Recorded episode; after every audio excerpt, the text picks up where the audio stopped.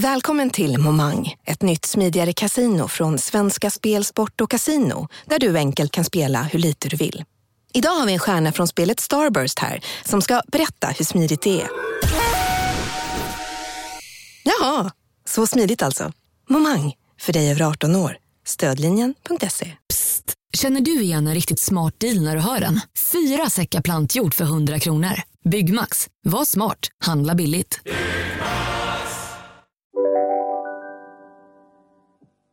Det är 8 grader kallt i Sundsvall. Helsingborg vann hemma på Olympia med 3-0. Alla helsingborgare bär långbyxor utom Mats Magnusson som börjar den här säsongen på Benfica-stadion i Lissabon. Vad vi får se är inte en klubbs utan en hel stads trauma lösas upp. En oktoberdag i Åtvidaberg 1968 åkte de ur. En novemberkväll i Sundsvall 24 år senare är de tillbaka i eliten. Det har varit så många, så mycket nära under så lång tid.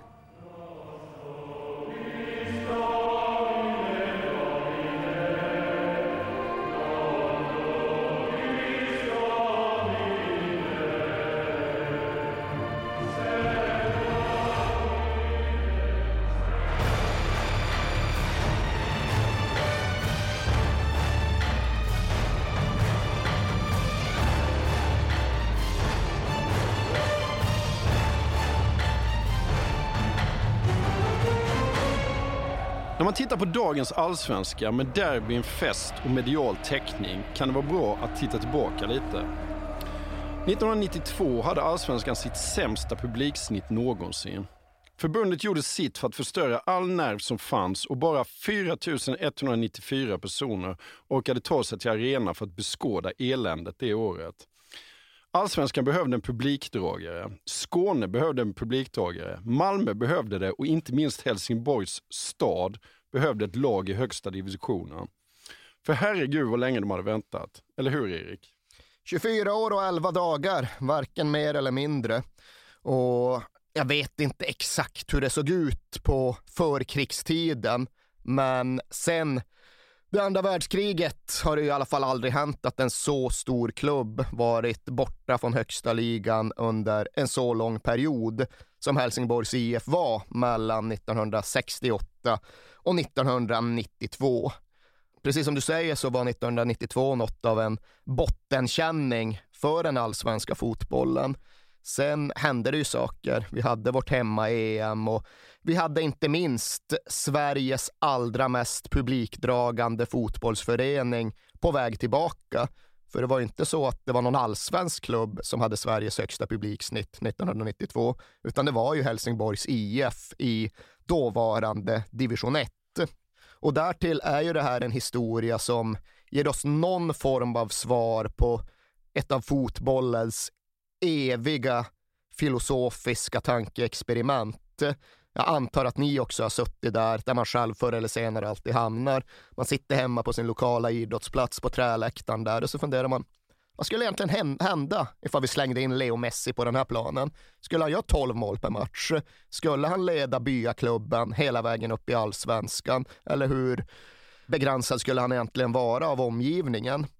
Det är inte riktigt ett parallellfall, men det här blev ju ändå en säsong då en anfallare som nyss spelat två Europacupfinaler och en annan anfallare som var på väg att ta VM-brons och som långt senare skulle avgöra en Champions League-final skulle sänkas ner tillsammans i den svenska division 1-fotbollen. Vad skulle egentligen hända? Hur skulle det egentligen bli? Det var någonstans de funderingarna vi andra hade när vi tittade på Helsingborgs IF utifrån den där säsongen för ja, 28 år sedan. Och eftersom jag växte upp i Halmstad som bara ligger åtta mil norr om Helsingborg och har varit där många gånger så känner jag att jag måste berätta lite om hur schysst stad det faktiskt är. Det känns lite som att den får alldeles för lite solljus på sig i svensk media. Den borde få mer cred. Jag åker fortfarande dit minst en gång om året för att tura. Vad är tura, Erik? Det är när man tar de så kallade Sundsbussarna, alltså färjorna från Helsingborg till Helsingör och köper med sig ofantliga mängder elefantöl på vägen tillbaka. Och då kan man även komma med i Elefantklubben. Vet du vad det är, Erik? Jag misstänker att det är knutet till elefantölen, men jag kan inte svara på exakt hur många elefantöl man måste dra i sig. Men jag antar att det är där kvantifieringen och preciseringen ligger. Ja, man ska dricka ett sexpack Elefant enkel resa mellan Helsingborg och Helsingör. Det tar lite under 20 minuter och eh, jag är inte med i den men eh, när jag växte upp så var det väldigt häftigt att vara med där. Har du försökt? Nej det har jag faktiskt inte. Jag var, jag var lite förnuftig. Jag har kompisar som faktiskt är med där men det var ingen vacker syn. I alla fall som HBK-fan så såg man i alla fall alltid Helsingborg som en tjusig och schysst storebror. Och det här var liksom innan Falkenberg, Varbergs Boys kom in och vände upp och ner på den halländska fotbollen. Och det var HF det närmaste derby vi hade och vi förlorade alltid. Alltid kändes det som. Och därför struntade jag i att kolla den avgörande allsvenska kvalmatchen mot dem 2016. Vi skulle ju ändå förlora som vanligt och jag pallade inte se det. Så plötsligt när jag stod på ett museum och kollade in klänningar med mina barn så pep det till i telefonen. HBK hade slagit HIF på Olympia. Tror du jag blir retad för att jag berättar, när jag berättar den historien? Ja, alltså jag struntar egentligen vart du stod och vad du tittade på och vilka du var med, men ifall du väljer bort en avgörande kvalmatch med din egen hemstadsförening så då förtjänar du precis allt häckel som någonsin kan komma din väg. Ja, men nu ska vi prata om 1992, men vi börjar med där det kanske borde ha börjat, på Rudalen 1991. Ja, det måste vi göra, för då var det visserligen inte 28 år som Helsingborgs IF hade varit ur Sveriges högsta serie, det var bara 27.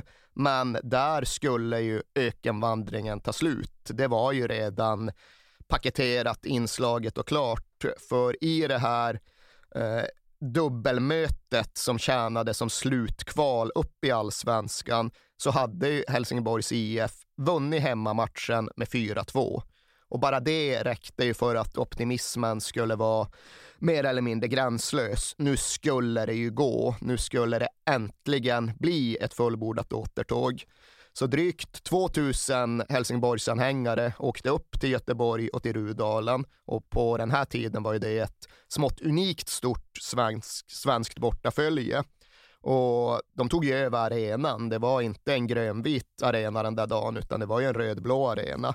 Domprosten i Skara, HB Hammar, passionerad HF-supporter, hade tagit över mikrofonen och stod på inneplan och sjöng och skanderade och viftade med HF-flaggor. Och jag förutsätter ju att du vet vem som är HB Hammars bror. KG Hammar. Givetvis. Ja. Och hur är det med KG Hammars fotbollssympatier? Ja du, är det Malmö eller? Hela familjen är ju HIF-are, förutom då KG Hammar som ska vara oppos oppositionell av någon anledning och väljer MFF i unga år. Nu har jag svarat rätt på två frågor redan. Ja, vi måste skärpa det här. Ja. Men jag vet inte riktigt vad det säger om KG Hammar, men någonting säger det. Eh, den här dagen på Rudalen var i alla fall också dagen då vår gamla elitdomare Erik Fredriksson gjorde sin allra sista match på hög nivå. Och det tycktes ju bli så att han bara skulle överse en formalitet för HIF höll inte bara det oavgjorda resultatet under första halvlek, utan med en knapp timme spelad så tog de i ledningen. HIF är 1-0, de har 5-2 totalt. Det är en knapp halvtimme kvar att spela. Det är så klart som det kan bli. Allt klart, ja. Förutom att det då inte var det för HF lyckas omedelbart efter sitt egna ledningsmål släppa in två bollar på fem minuter. Och då är det plötsligt match igen. Då står det och väger, för då är Västra Frölunda, som de ju hette på den här tiden, ett enda mål ifrån att vända på allt. Men in mot stopptid så är det fortfarande total uddamålsledning för HIF. Det är allsvenskt avancemang tills då i den allra sista minuten Robert Bengtsson klättrar upp och nickar in målet som avgör allt, som vänder på allt, som får allt att eh, ta en helt annan riktning. Och Robert Bengtsson, för att fortsätta med frågebatteriet, han är ju pappa till vilken nuvarande svensk mästare? Kan det vara Pierre Bengtsson? Nej, Nej. Pierre Bengtsson är inte nuvarande svensk mästare. Nej, men alltså, jag får rätt efternamn. Ja, ja. Vad den jag kom på. Ja. ja. det är lite av en snabbkrypare, så ifall du inte har den Nej, så tror jag du får svårt. Inte, Robert Bengtsson fick efter sitt äh, giftermål äh, även äh, andra efternamnet Bärkroth. Ah. Så han är pappa då till Niklas Bärkroth som ju slog igenom eh, som historiskt ung och som numera är svensk mästare med Djurgården.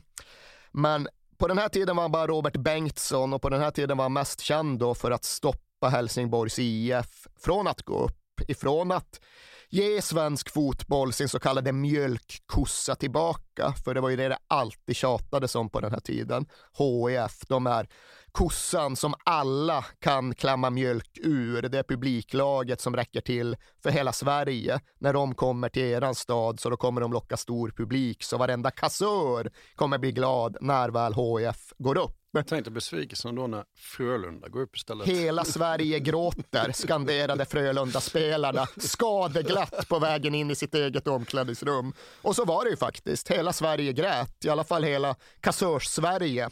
Och eh, Helsingborgs lagkapten Anders Jönsson, han tvingades stå där på det som skulle ha varit uppflyttningspartyt på Hotell Marin Plaza nere i Helsingborg och istället försöka gjuta någon form av liv i spelargruppen och klubben igen. Då liksom stod han där och verkligen hamrade och tryckte på att okej, okay, nu blev det så här, men om ett år då ska vi stå här igen på samma ställe och då ska det vara fest. Och det var där någonstans HIF försökte lägga 1991 bakom sig och istället eh, gå vidare framåt in i en annan framtid och ett annat kalenderår. Ja, för att vändningen kan man väl säga, för det, det har varit ett lag på dekis ganska länge, men vändningen kan man väl egentligen säga kommer 1989 när Ingvar Venehed blir ordförande i HIF? Ja, det är rättvist. Det är rättvist, för precis som du poängterar så har ju HIF haft det så jävla risigt så väldigt länge.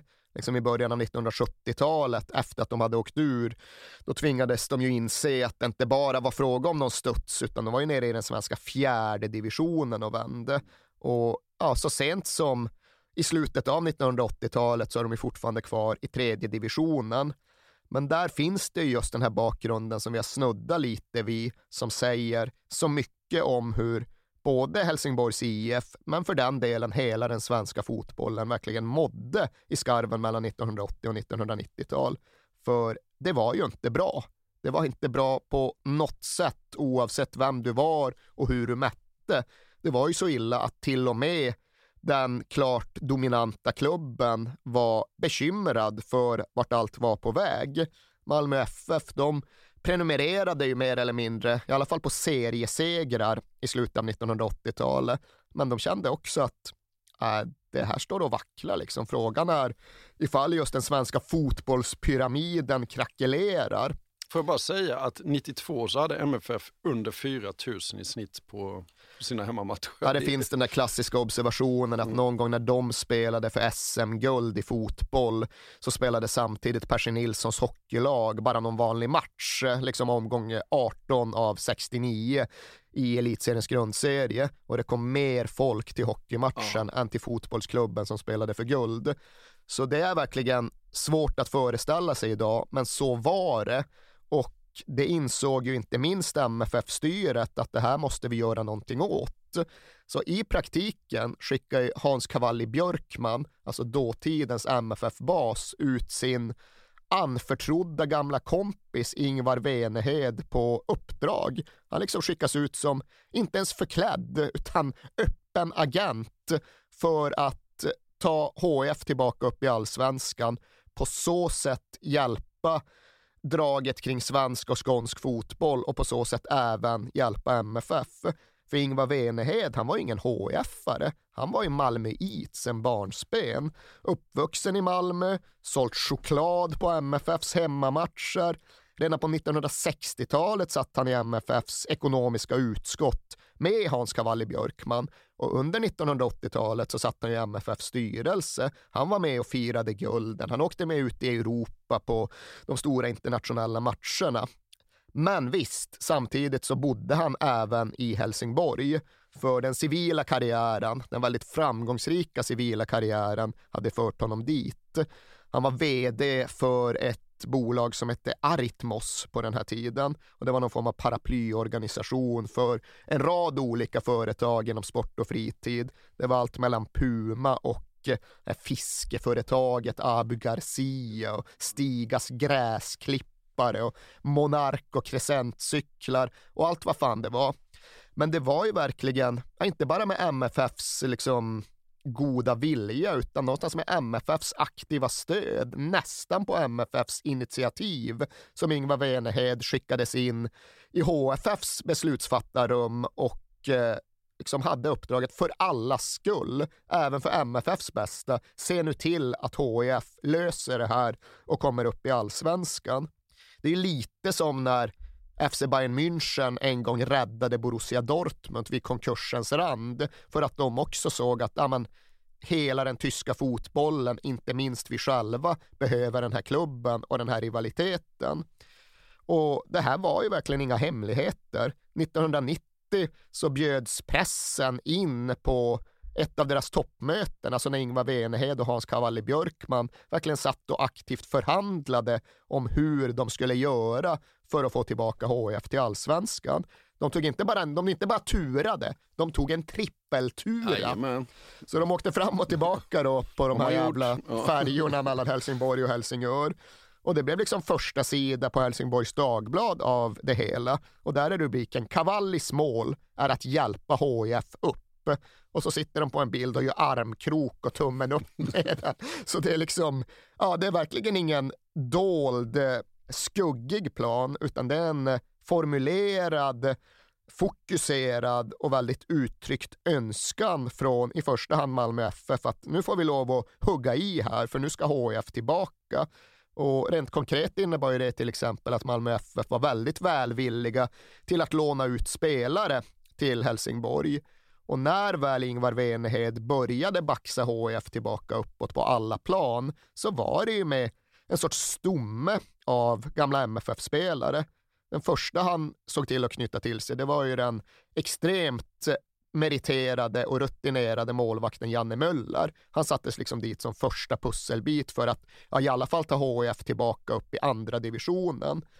Och sen kom ju då Anders Jönsson, en typ av härförare och ledare på mittfältet eh, för att eh, eh, hjälpa till med precis samma sak. Och det innebar ju att de susade faktiskt upp från tredje divisionen 1989, etablerade sig i näst högsta serien och fortsatte sikta högre och högre uppåt. Och det var ju med de ambitionerna och med den bakgrunden de befann sig här mellan 1991 och 92.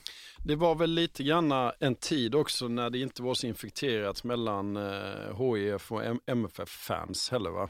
Det var ju en annan tid, liksom rivaliteterna generellt inom svensk fotboll såg ju helt annorlunda ut. Svensk fotboll såg helt annorlunda ut. Supporterkulturen var ju någon form av brytpunkt, men det var ju fortfarande liksom, det var ju fler harskramlor på läktarna än det var banderoller eller overheadflaggor för tifon. Så absolut, det var en helt annan tid på det sättet också.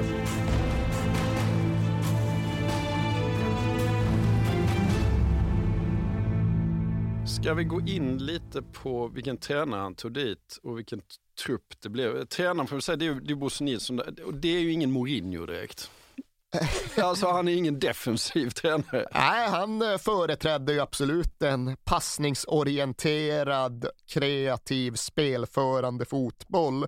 Men det här var ju såklart också en väldigt viktig pjäs att sätta på plats och låta vara kvar på plats.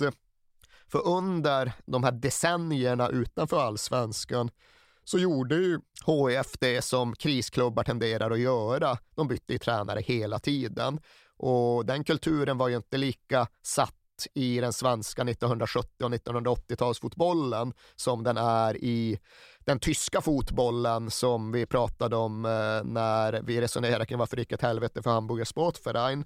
Men bytte, bytte tränare alltså 20 gånger under tiden mellan 1968 och 1987. Köpte de inte en jävla massa, alltså det var mycket spelare, dyra spelare de tog in sådär också va? De försökte väl med det de kunde försöka, men de fick ju ingen kontinuitet och ingen riktning egentligen förrän Bosse Nilsson kom dit. Och han kom ju dit redan 1987, alltså han föregick ju då Ingvar Venehed. Men då hade han ju haft en lite egendomlig karriär. Han hade visserligen fört upp en Mjällby en gång, men därutöver var väl egentligen hans största merit att han hade varit assisterande förbundskapten under Laban Arnes- Arnesson när ja, främst kanske Mats Magnusson höll på att skjuta Sverige till VM 86. Västtyskland, ja. Ja, exakt. Hela det kvalet, sombreros ja. efteråt och Portugal och Robert Prytz tårar och Tjeckoslovakien. Allt det där, det tar ja. vi ett annat avsnitt. Ja. Men Bosse Nilsson i alla fall, bondgrabb från Körnarp och på så sätt HIF-are från barnsben, till skillnad från till exempel Ingvar Wenehed. Jag tror att hans första match var det MFF-derbyt på 50-talet, 1954, som lockade sådär 26 000 åskådare till Olympia. Om jag inte misstar mig så är det fortfarande den högsta publiksiffran de någonsin haft där. Och det var alltså Bosse Nilssons första match på Olympia. Så han blev ju, han fick ju HIF i venerna eh, på ett eh, tacksamt och tydligt sätt. Men när han anställdes 1987, då var det verkligen så att det gick inte att skönja någon ljusning. För då befann sig HIF alltjämt i tredje divisionen. De liksom mötte klubbar som Trion och Färjestaden och Hittarp och den gamla invandrarföreningen Kroatia från Malmö. Och det var inte så att de dikterade villkoren där heller. De låg sist efter Bosse Nilssons sex första omgångar mm. som tränare. Och det finns alltså en gammal skröna i HIF-mytologin om att Bosse Nilsson redan på väg till jobbet, på väg till presskonferensen där det skulle offentliggöras att han var klubbens nya tränare, kände fan, det är inte bra, magkänslan är inte den rätta och han ska liksom verkligen haft, han ska ha brottats med sina tvivel på ett sätt som gjorde att han höll på att vända bilen vid ett rödljus sisådär en kilometer från HIFs klubbstuga. Men han gjorde inte det, utan han tvingades hantera en situation där de låg sist i tredje divisionen. Men han gjorde det och han fick förtroende för förtroende att vara kvar och han fick ju dessutom då förtroendet att även förbli HIFs tränare när Venhed kom in och när allt verkligen började få kurs uppåt igen. Okej, eh, men det var han som ledde dem eh, i den här eh, hemska matchen på Rudalen 91. Men vad, vad hade han för trupp 92 då? Det var en trupp som för ändamålet, vilket alltså var att gå tillbaka upp i allsvenskan, var hyfsat komplett. Ett solitt försvar där vi framförallt noterar den jätteegna produkten Urban Stoltz. P.O. Jung som ju har en färsk HIF-historik utöver avtrycket han gjorde som ytterback 1992. Den unga och löftesrika Ola Nilsson och därtill Björn Lillius som också var en av alla de här killarna som MFF hade tillåtit gå till HIF men också en spelare som skulle bland annat delta i OS-landslaget 1992 men som vi därtill ska poängtera eftersom han var jag vet inte. Något så ovanligt som en del av en brödratrio i samma trupp. Det var inte bara Björn Lillius utan det var även Ulf och Henrik Lillius som ingick i HIF-truppen 92. Sen tror jag i och för sig att Henrik aldrig spelade en minut men det ska vi inte låta förstöra brödratrio-storyn. Framåt då? Ja, men vi eh, avancerar långsamt genom mittfältet och där är absolut den första spelaren och det första namnet vi stannar till vid Lino Borriero. Spelmotorn, passningskreatören, killen som faktiskt fanns där redan när Bosse Nilsson anlände 1987, men som därefter faktiskt sa nej till att flytta ner till Udinese 88. Eh, mycket av sociala skäl för ja, det här var ju en tid då sannerligen inte alla svenska spelare var heltidsproffs. Definitivt inte spelare i Helsingborgs IF i andra eller tredje divisionen. Så Lino Borriero jobbade ju på Mäster Grön som vad fan gör de? De så kryddor och liksom krukväxter-ish typ. Om du säger det så. gör, ja, man planterar väl antar jag. Uh, men det vill han ju inte missa. Uh, men han var ju väldigt central i det Helsingborgslaget, spelade alla matcher och var liksom jätteviktig för att Bosse Nilssons passningsspel skulle ha någon förutsättning att flyta. Bredvid honom så var det Anders Jönsson, då, lagkaptenen och pådrivaren som jobbade vi mark med marknadsföring vid sidan av fotbollen. Man ska alltid skjuta in vart folk jobbar ifall man har den möjligheten. Eh, den möjligheten har vi också när vi kommer till Mikael Ragvald ute på yttern. Vad tror du Mikael Ragvald jobbade med vid den här tiden? Ja, han kanske jobbade på Tretorn eller något. Ja, det var ju andra spelare som jobbade Ja. just inom Venehed-koncernen, men eh, Micke Ragvall var inte en av dem. Han var såklart lagerarbetare. Jaha. Eh, men han hade faktiskt även eh, gjort en proffsvända i Malaysia vintern mellan 1991 och 92. Och det ligger någonstans i linje med den lite enigmatiske Micke Ragvald som på ett sätt var lite svår att begripa sig på för utomstående, men som ju var och är helgonförklarad på Olympia. Och en helt oteknisk, men ändå ganska sevärd ytter som mest bara älgade på ute på kanten och på något avigt sätt fick saker att hända.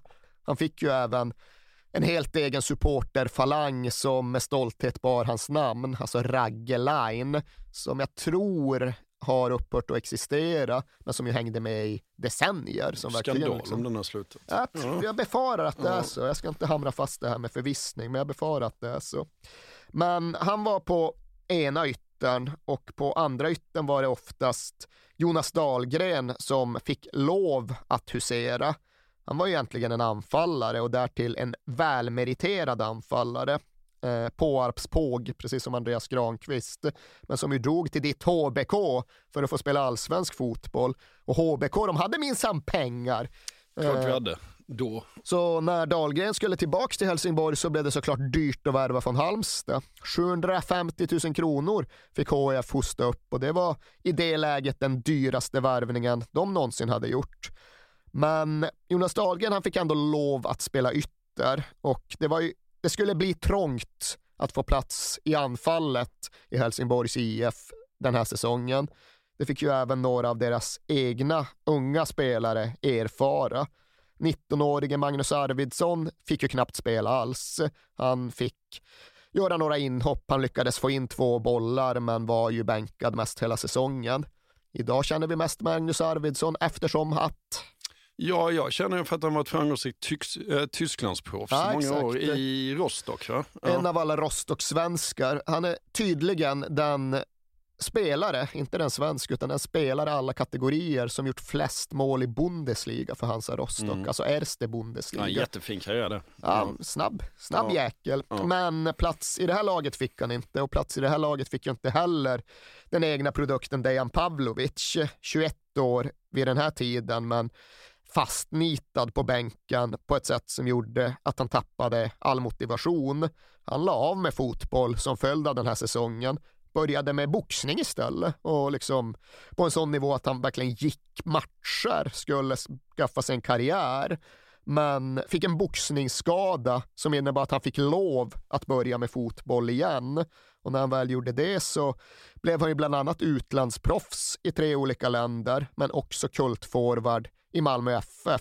Kom tillbaks till Helsingborg, gjorde bland annat mål i derbyt och körde där till MC i MFF-tröja genom hela Helsingborg till någon polares begravning. En polare som då kom från Helsingborg men höll på MFF och då skulle Dejan Pavlovic minsann göra en poäng av att det finns fler helsingborgare som inte eh, fick plats här utan tvingades eh, eh, flytta till Malmö istället.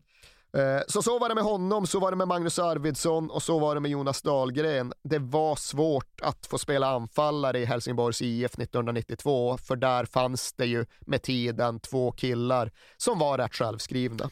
Ja, för att på vintern 1991 så eh, gör de ju en värvning som, eh, ja, den är ju gigantisk kan man säga. Ja, den är ju inte gigantisk, den är ju från början... Ja, den blev ändå. blev Ja. gigantisk, men när den skedde så var det ingenting som liksom ökade säsongs årskortsförsäljningen på Olympia med 1800 stycken, utan det var ju en eh, ung lokal spelare från Högaborg i division 3 som nu liksom flyttades upp till Helsingborgs största klubb.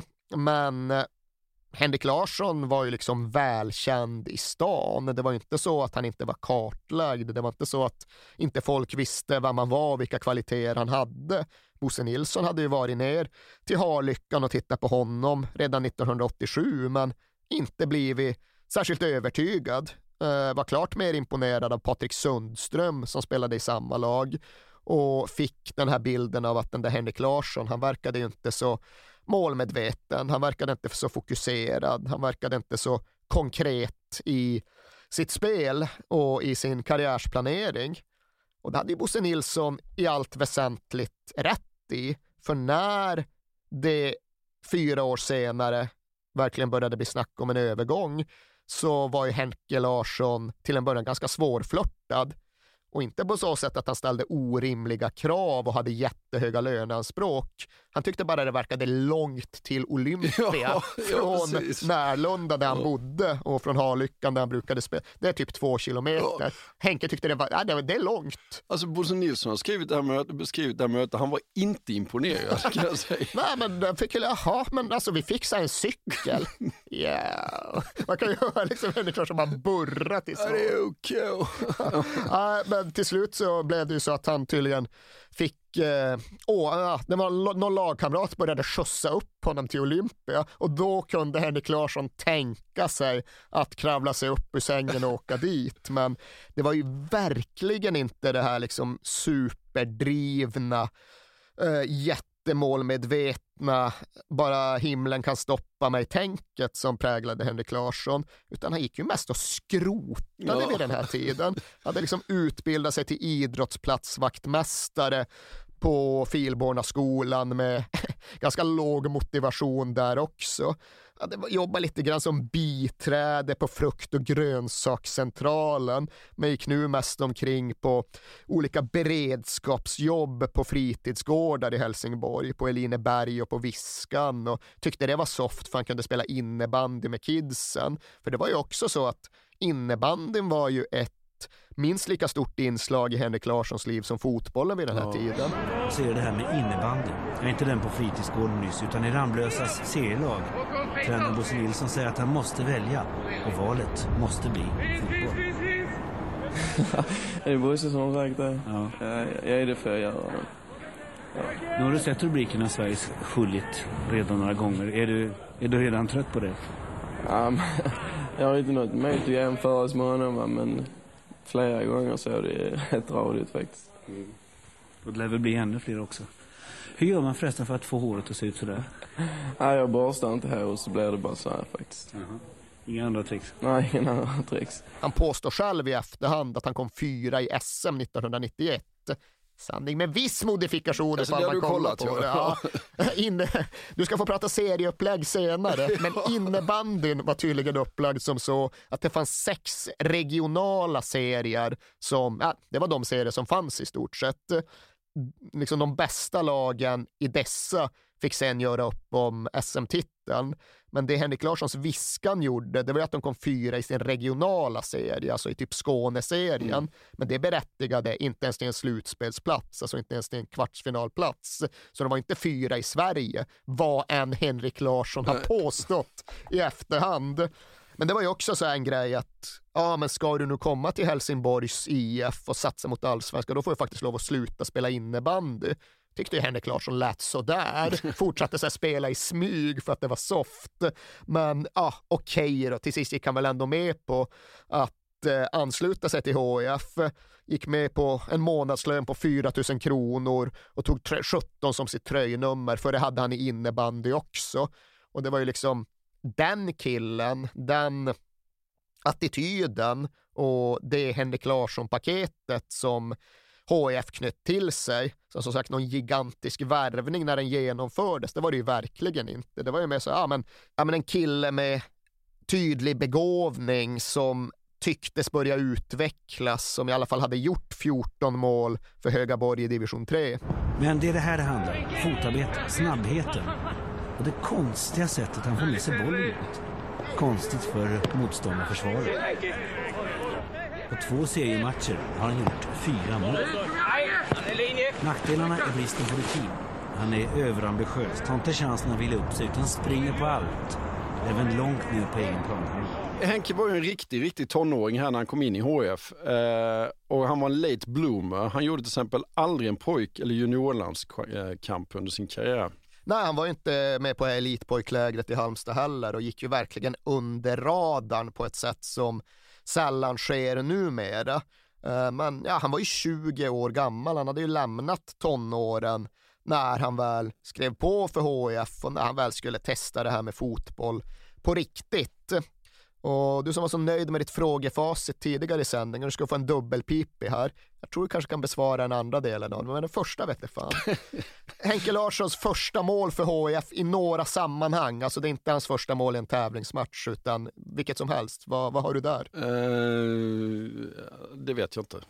Det är alltså ett mål han gör mot HBIS, Helsingborgs boll och idrottssällskap i inomhusturneringen Nyårssaluten. Ja, vad uselt av mig. Ja. Därtill så är ju frågan vilket som är hans första officiella mål, alltså det första han gör i en riktig tävlingsmatch. Och det tycker jag att du borde kunna av en anledning. Antagligen för att de möter Halmstad då. Det är nästan rätt. De spelar i Halmstad, men de möter inte HBK utan... Halmia. Utan... Leikin. Jajamensan. Ja. Och var spelar man då? Eh, ja, då spelar man ju på Sannarp. Exakt, planen är... han aldrig fick komma till ja. i elitpojksammanhang. Stefan Lindqvists eh, förening som han växte upp i. Ja, det är ju HIF seriepremiär 1992. Alltså det är Henrik Larssons första riktiga match på elitnivå. Och Bosse Nilsson har beskrivit att ja, när han väl har kommit så här långt, då är det inte längre den här trötta, truliga tonåringen som helst vill spela innebandy, utan då inser väl han någonstans det relativa allvaret. Så allvarligt kanske det inte är att möta Lakin på Sannarp. Det är inte som att spela Champions League-final mot Arsenal, men ändå är han tydligen enligt Bosse Nilsson helt vit i ansiktet före matchen. Han är fruktansvärt nervös. Men det visar sig att det går ganska bra. Henrik Larsson gör mål i den här första matchen och på de tre första matcherna HIF gör den här säsongen, som de vinner samtliga, så gör Henrik Larsson sex mål. Mm. HIF vräker in 13 mål totalt på de tre första. Henke är inblandad i 12. Så redan där får ju alla en föraning om att ja, det här kan nog bli rätt bra.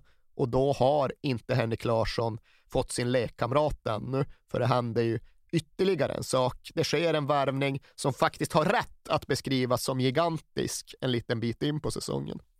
Ja, för att då eh, värvar de en annan Högaborgspojk som har varit ute och sett sig omkring lite i världen. Ja, det är ju en spelare som är i andra änden av sin karriärskurva. Inte på så sätt att han är slut, inte på så sätt att han är gammal, för det är väl kanske lite bortglömt bland de som tittar på det här att Mats Magnusson är faktiskt bara 28 år när han återvänder till Helsingborg. Det måste jag säga att jag blir lite chockad nu när vi börjar kolla igenom det. Man inbillar sig ja. att den typen av övergångar, det sker ju när spelaren är 33-34 ja, år gammal. Men Mats Magnusson var alltså 28 och han återvände visserligen till sin egen stad, men han återvände ju inte till HIF, för den klubben han aldrig representerat tidigare. Och det var ju i mångt och mycket en konsekvens av HIFs eviga ökenvandring. För när Mats Magnusson skulle börja spela seniorfotboll, så då var ju HIF en klubb i, jag tror det i och för sig var andra divisionen, det var inte tredje eller fjärde, men det var andra divisionen och de erbjöd honom någon typ av B-kontrakt. Medan Malmö FF var en klubb som var på väg mot en Europacupfinal och erbjöd Mats Magnusson ett seniorkontrakt. Så det är klart att det valet var nog inte jättesvårt för honom att göra.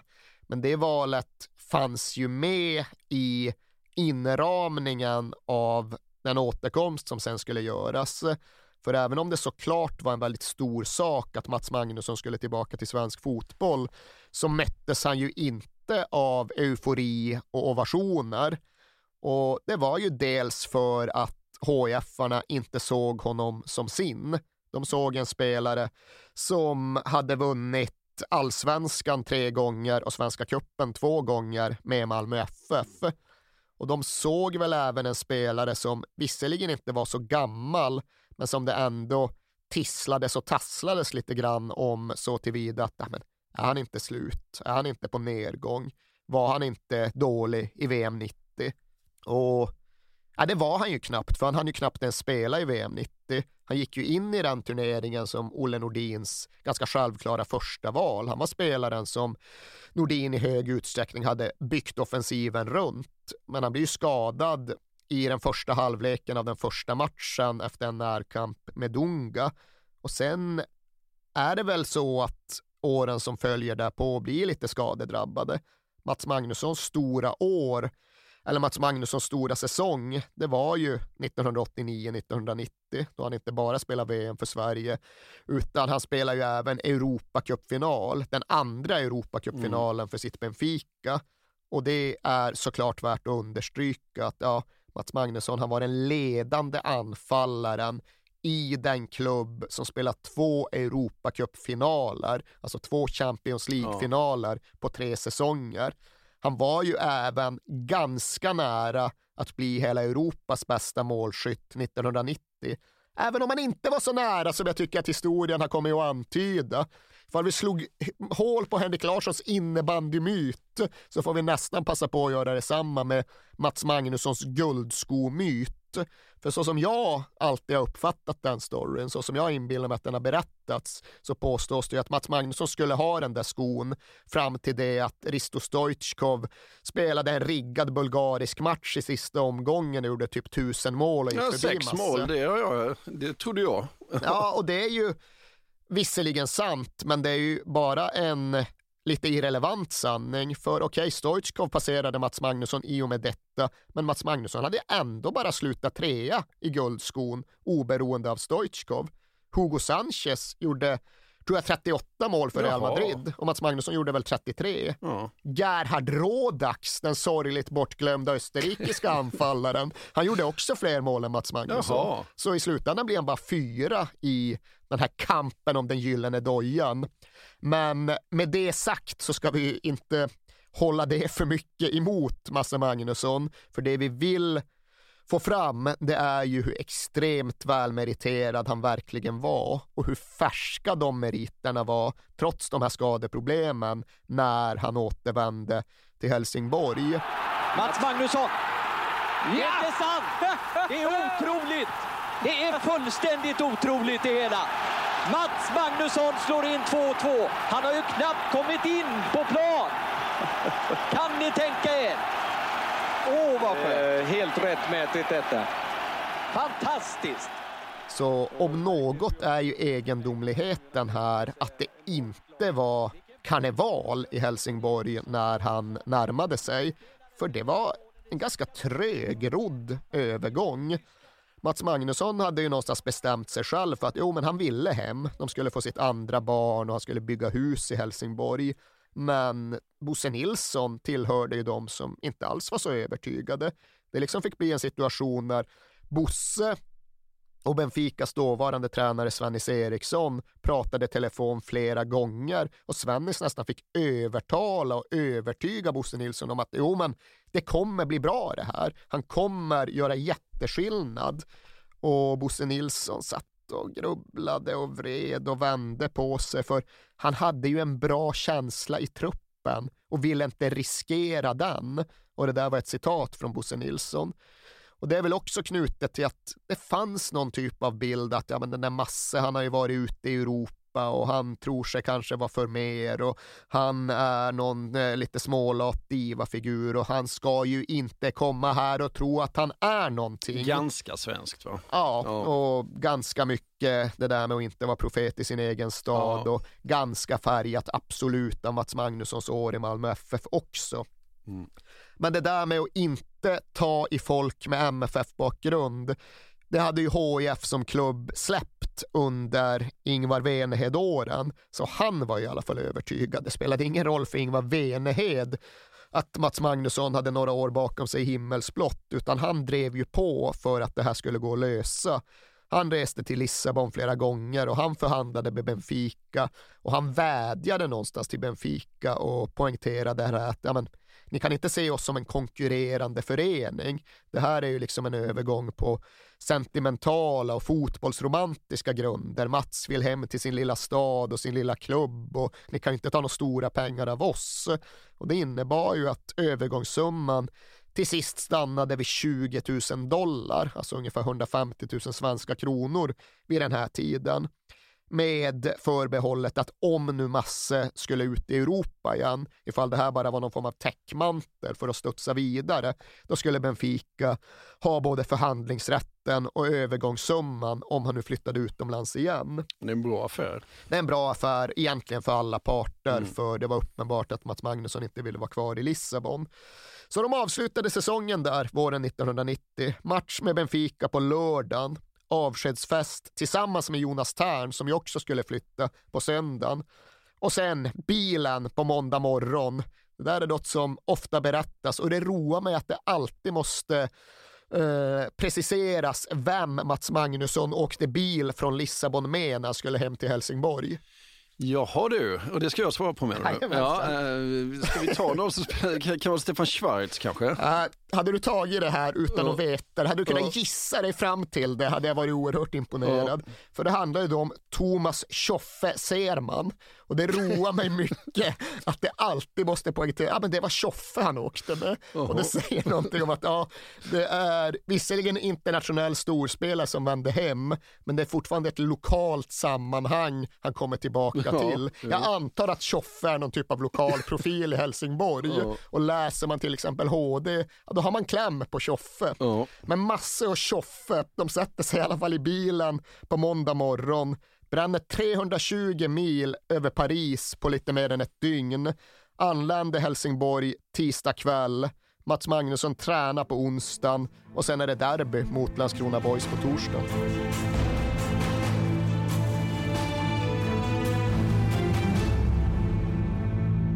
Jag vill inleda med att säga att det är garanterad jackpot på 13 miljoner på Stryktipset. Och fy fasen. Ja, visst. Skulle du behöva 13 miljoner eller? Ja, det skulle jag verkligen. Men vi måste säga först att vi är ju sponsrade av Stryktipset. Ett spel från Svenska Spel, Sport och Casino för dig över 18 år. Yes, och stödlinjen.se finns där för dig om du har problem med ditt spelande. Nej, men 13 miljoner ja. jackpot på Stryktipset, det är ju inte fel. Nej, då är det faktiskt dags att ladda en rejäl rad här känns det mm -hmm. så. Vet du vad som inte heller är fel?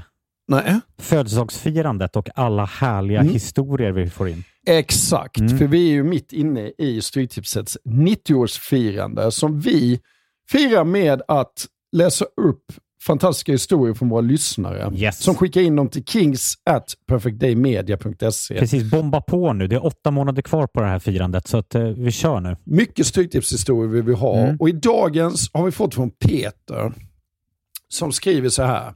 Hej på er och tack för en helt otrolig podcast. Den har räddat mina veckor i snart fyra år. Tack så mycket Peter. Min historia är ganska färsk, men den om när det vände på stopptid gav kanske inte de största pengarna, men känslan i mig består. Jag spelar ofta för lite mindre pengar på Stryket, följer fotbollen men långt ifrån en nörd. Och allt såg väldigt bra ut senast, förutom på min etta på Manchester United mot Brentford. Mm -hmm. var, ändå väldigt, eh, var ändå väldigt nöjd med hur resten satt. Men på stopptid satte min nya favoritspelare, skotten McTominay, två mål och vändningen fullbordades. 64 rader blev 12 000 kronor. Tack för en bra podd. Det är podd. otroligt. Ja. Tack för en bra historia Peter. Ja, och som man älskar Scott McTominay. Gör man inte det? Ja, det gör man faktiskt. Han liksom kommer in i straffområdet jävligt bra faktiskt. Mm. Vi säger stort tack till våra vänner på Stryktipset. Tack.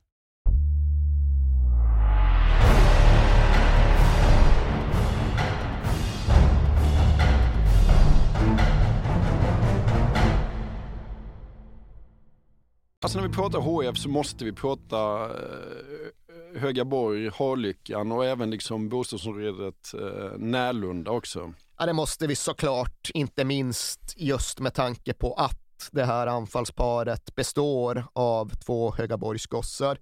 Eh, Mats Magnusson kommer väl visserligen inte från Närlunda som då är eh, kvarteren omedelbart nordöst om Harlyckan där Henrik Larsson kommer ifrån. Men det är ju ändå eh, så att även han är från några väldigt speciella fotbollskvarter nere i södra Helsingborg. Och jag ska inte ta gift på att det här stämmer, för jag har inte trippelkollat uppgiften. Men det är något som sägs och återkommer. Bland alla fotbollsföreningar i Sverige så ska Högaborgs BK vara den som fostrat femte flest landslagsherrar av alla. Eh, fler än i stort sett alla då etablerade allsvenska klubbar. Och, och ni får väl ta det för en halvt obekräftad uppgift, men det är ju i alla fall väldigt tydligt och väldigt uppenbart att eh, talang verksamheten där nere är något alldeles speciellt. Jag läste liksom, det jag har läst är ju att uh, Högaborg har fostrat, alltså den lägre klubb som har, som har fostrat flest utlandsproffs. Men det kanske också är något... Ja, det ligger väl i linje med. Jag mm. vet inte exakt vad som konstituerar en lägre klubb, men... Nej, det... Men det är ju liksom en klubb som bland annat då har fostrat Mats Magnusson och Daniel Nanskog Jocke Persson som ju var nere både i Serie A och i Bundesliga. Målvakten Daniel Andersson som bland annat var i Skottland en vända. Och det är ju dessutom en förening som var väldigt tidigt ute med att hantera och hitta kraft i det här med Sveriges ökade mångfald. Och just de här kvarteren som ligger precis nordöst om idrottsplatsen Harlyckan, Närlunda, miljonprogramsområdet där, det är ju kvarter som också har bidragit väldigt mycket till både Högaborgs BK och till svensk fotboll. För Henrik Larsson var ju en av grabbarna som kom därifrån, bodde på åttonde våningen i ett höghus på Närlundavägen. Eh, tvillingarna Olsson, Martin Olsson och Marcus Olsson kommer ju också därifrån. Hela den extremt framgångsrika fotbollssläkten Khalili är därifrån. Alltså Abbe Khalili som i talande stund är kvar nere i den turkiska ligan. Imad som ju har gjort det jättebra med Hammarby. Och så Mustafa Zeidan Khalili som jag tror nu har flyttat från BP till J Södra, men som fortfarande är en stor, stor talang som väntar på att ta avstampet uppåt. Så det är någonstans omöjligt att berätta berätta om fotbollen i Helsingborg eller för den delen HIFs framgångar utan att ge en stark och kraftfull shout-out till Högaborgs BK och verksamheten på Harlycken. En grej som jag fastnade vid när, när, när jag läste om Högaborg, det är ju att de ger unga, alltså väldigt unga spelare chansen att spela A-lagsfotboll. Masse var 14 när han debuterade i A-laget. Jag läste att Jordan Larsson nu var också 14. Alltså det var verkligen, är du, är du bra nog så ska du få spela på högsta nivå.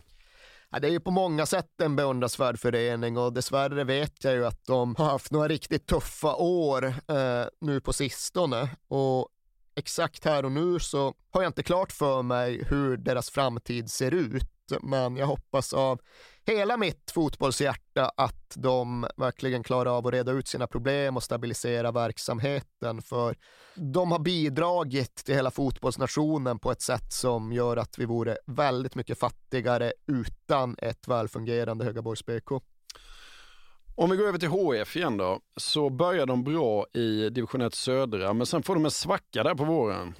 Ja, och lite är det väl ändå så att den sammanfaller med att Mats Magnusson kommer tillbaka, typiskt nog. För hans första match, det skulle ju då som sagt bli derbyt om Glumslövs backar, eller vad vi nu ska kalla det för, liksom det nordskånska derbyt mellan HF och Landskrona Boys. Men i matchen dessförinnan hade de vunnit med 5-0 mot Hässleholm, så Bosse Nilsson tyckte att det citat inte var psykologiskt rätt slutcitat att bara slänga in Mats Magnusson direkt. Och det går väl att förstå och det går väl att hänga med i det snacket, men det blir ju oväntat nog ändå förlust i matchen mot Landskrona Boys på Olympia. Och där kan jag bara skjuta in att det finns inte sådär jättemycket bilder offentligt tillgängligt från den här säsongen, men det finns ett SVT-klipp på Youtube från den här matchen. Och det kan ni gärna gå in och titta på, för det är fantastiska bilder från det gamla Olympia. Det kom ju jättemycket folk till den här matchen, det var 13 000 på plats och det var ju sällsynt i svensk fotboll mm. på den här tiden. Den gamla Olympia var så fantastiskt tajt med sina ståplatsläktare så det ser ju verkligen ut som att ståplatsläktarna är som väggar precis bredvid sidlinjerna. Och det där är ju också någonting som Mats Magnusson har kommit att romantisera. Han kom tillbaka och märkte att fan, just det, det är så här det ser ut på Olympia. Han hade ju aldrig riktigt spelat där tidigare, men nu var han hemma hos sitt folk i sin stad och det innebar också att efter i stort sett varje match gick han alltid bort till samma räcke för att snacka med samma polare som stod där varje vecka oavsett vilket. Och just den känslan av hur fina fotbollskvällarna verkligen kunde vara på Olympia på den här tiden, den blir tydlig om man tittar på bilderna från det här boysderbyt, trots att HIF då förlorade den matchen. Välkommen hem till Sverige och Helsingborg, nummer 12, Mats Magnusson. Mats Magnusson tillbaka i Sverige efter proffsåren i Benfica. Stark på huvudet, fina framspelningar och, och inte alltid överens med domartrio. Det fick vi se i andra halvlek, för det första satt han på bänken och då gjorde svartvitrandiga Landskrona 1-0 efter fem minuters spel. Och det är ju inte nog med att de förlorar den, för därefter så ska de åka bort till Karlskrona och hämta hem poängen. Det skulle inte vara några problem, men eh, trots att Karlskrona är sist i serien vid det här tillfället, trots att HIF nu då har tillgång till en hemflyttad Mats Magnusson, så blir det förlust igen utan ett enda gjort mål. Det blev inte Henrik Larsson som gjorde några mål, det blev inte Mats Magnusson. Det blev legendaren Kurt Jörgensen som hängde två för Karlskrona istället. Mm. Och så blev det ytterligare en förlust. Och det är inte så att det är en lång förlustsvit som HIF radar upp, men det är en serie där man inte har råd att tappa så det är jättemånga poäng. Så när serien nu vänder och HIF ska möta Landskrona Boys igen, då är det lite kniven på strupen. Och det klarar HIF av, för nu börjar det hända något med samspelet mellan deras två anfallsstjärnor. Det är bara en minut in i matchen som Mats Magnusson passar fram Henrik Larsson och det är 1-0 HIF. Det tar bara en dryg kvart därefter innan Henrik Larsson passar fram Mats Magnusson och det är 2-0 till HIF. Så den matchen vinner de inför fler än 10 000 åskådare på Landskrona IP trots att de faktiskt hade fjärde målvakten i mål. De fick någon skadekris med sina målvakter här och Janne Möller hade blivit akututlånad till Trelleborg. Så det innebar att det enda de hade tillgängligt var en 20-åring som hette Roger Persson som inför den här matchen i Landskrona gjort sin senaste tävlingsmatch för Munka Ljungby i division 6. Så det var ju ett, eh, en sak som HIF tvingades hantera. Men det som i grund och botten sköt deras vårsäsong i sank, det var ju toppmötet, seriefinalen hemma mot ditt HBK på Olympia i mitten av juni. För den matchen är ju betydelsefull på så sätt att eh, de förlorar den med 3-0 och på så sätt tappar greppet om serietoppen. Eh, och den är också notabel så tillvida att den faktiskt spelades mitt under hemma-EM. Och det innebar ju också att HIF faktiskt kom till den matchen försvagad jämfört med de tidigare matcherna. För under hela den här perioden som vi just har gått igenom så då har ju faktiskt HIF haft tillgång till ja, ytterligare en av våra största, en ordinarie landslagsspelare. Och det var ju Rolle Nilsson. Såklart. Mm. Det var ju en väldigt speciell situation när Rolle Nilsson hyrdes av Sheffield Wednesday för några hundratusen svenska kronor för att hålla matchtempot uppe under maj månad in mot hemma-EM i Sverige. Och han var ju såklart en etablerad landslagsback på den här tiden, men det kan också vara värt att påminna om hur bra hans Sheffield Wednesday verkligen var. De vann ligacupen i England 91, alltså året före, men 1992 så slutade de i trea i engelska högsta ligan. Än idag är det Sheffield Wednesdays bästa tabellplacering på 60 år, eller något i den stilen. Och den säsongen slutade med att Sheffield Wednesday höll nollan, spelade 0-0-kryss mot Liverpool den 2 maj. Den 3 maj flyger Rolle Nilsson hem och startar för HIF i första mötet mot Halmstad BK, alltså bortamötet i Halmstad kvällen den 3 maj. Han landar på eftermiddagen, åker till Halmstad, går rätt in i laget, spelar 0-0 mot HBK borta. Men sen var han med till exempel och förlorade mot Karlskrona. Han kan stoppa många Rolle Nilsson, men Kurt Jörgensen Nej, går där han inte på. gränsen, ja. Eh, och sen så försvinner han då när EM börjar och eh, är inte med när HIF då förlorar med 3-0 och det innebär ju stora saker, det får stora konsekvenser eftersom serieupplägget ser ut som det gör i svensk fotboll 1992. Och jag kände att för en vecka sedan så skulle jag försöka redogöra för hur den engelska ungdomsfotbollen var upplagd vid samma tid och det blev så tråkigt så att klockorna stannade. Så nu lägger jag över till dig att få lite liv och jazz i berättelsen om det svenska serieupplägget 1992. Stort tack Erik. Ja, jag trodde ju att tunga droger var förbjudna i Sverige 1992, men uppenbarligen så var de tillåtna på Svenska fotbollsförbundet. För när de planerade elitfotbollen det året så var det ingen lek, framförallt inte för, för fansen. 1992 så bestod allsvenskan av 10 lag. Nästa år så skulle de utökas så att det blev 14 lag. Jag måste ju bara skjuta in att det här var ju något som förbundet kom på halvvägs in i säsongen. Det var ju inte klarlagt när spel inleddes 1992, utan de beslutade de någonstans halvvägs in. Vilket bevisar det här med drogerna då. Hur som helst, tio lag eh, i allsvenskan. Eh, efter vårsäsongen så skulle de som eh, hamnade, eh, alltså de sex första lagen, spela någonting som heter Mästerskapsserien, vilket de sen gjorde på hösten för att utse en, en svensk mästare, vilket blev AIK. De fyra övriga lagen skulle åka ner och spela på hösten i någonting som hette kvalserien. Och där skulle de möta segrarna i de olika division 1-serierna. Alltså östra, norra, västra och södra. Och det här är det då som i, fram, i första hand Landskrona Boys, Halmstad BK och Helsingborgs IF tampas kring. Det är den här seriesegern och den här platsen som HIF går miste om när de faller mot HBK. Just det, för att Halmstad går till den här serien eh, medan HIF blir tvåa. Det innebär att medan kvalserien spelas och fyra lag därifrån ska, ska ta sig upp i allsvenskan så finns det fyra lag eh, som inte tar sig dit ur kvalserien. Och de ska möta segrarna i höstettorna. Där alltså Helsingborg spelar eh, under höstsäsongen, men där även eh, segrarna i division 2 får en plats i den här höstettan. Den här serien vinner HIF och ska alltså möta ett av de fyra sista lagen i kvalserien.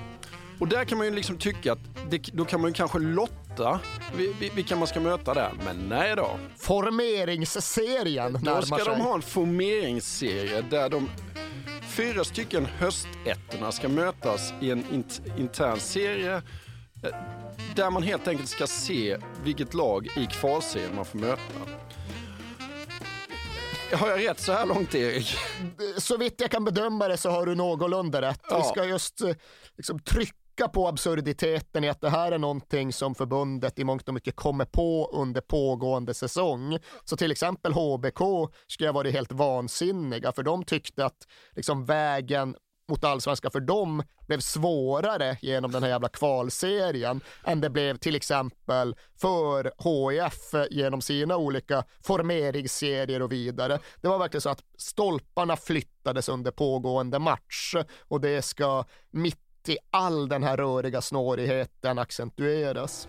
Ja, eh, och innan jag går in på HF ska jag säga att Örgryte går alltså från att vara ett division 2-lag innan säsongen till att spela allsvenskan 1993. Det var lite som Vilda Väsby gjorde i hockeyn. Ja. Det är väl alltid det man brukar tjata om, att de påbörjar säsongen i tredje divisionen och avslutar den i högsta serien. Ja, så där är alltså Helsingborg sommaren eh, 1992. De ska spela höstettan. Men före det så har de några andra matcher, Erik.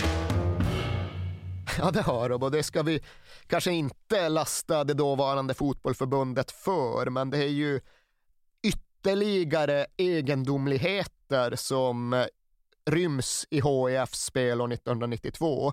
De deltar ju nämligen också i Tipskuppen, Intertoto-cupen som den är internationellt känd. Och vad är det egentligen för turnering Håkan? Det enda jag kan säga om den är att det måste vara den osexigaste internationella turneringen som finns. Ja, men den har ju också lite haft två skepnader för inledningsvis så skapades ju den här turneringen egentligen enbart för att eh, det skulle finnas ett utbud för spel och dobbel även under sommaren. Det liksom skulle finnas något att tippa på ja. när de stora ligorna låg nere. Eh, de pallade liksom inte ens att utse en vinnare, utan de hade typ tio olika grupper. Så bara spelade de de grupperna och sen var det klart.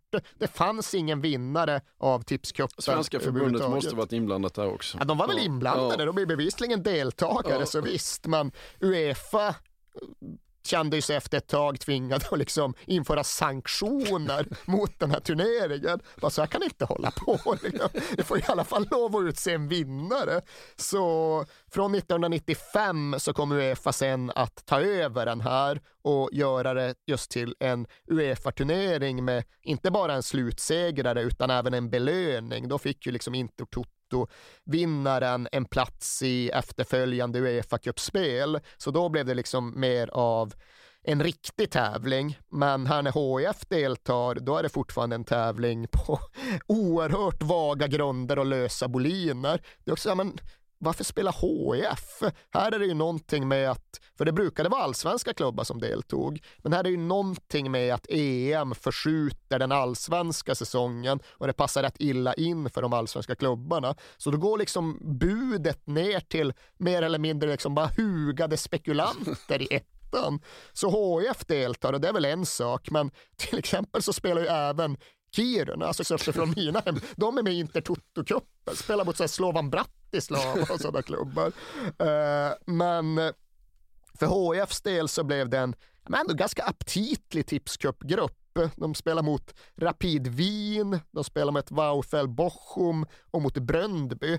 Och de håller faktiskt till och med på att vinna gruppen. Inte nu för att det hade spelat någon roll, men de eh, hade vunnit gruppen ifall de inte hade klappat igenom mot Bröndby borta i den sista matchen. Den förlorade de med 5-1 och det förhindra dem från att vinna gruppen, vilket då absolut inte hade betytt ett endaste dyft eller skvatt.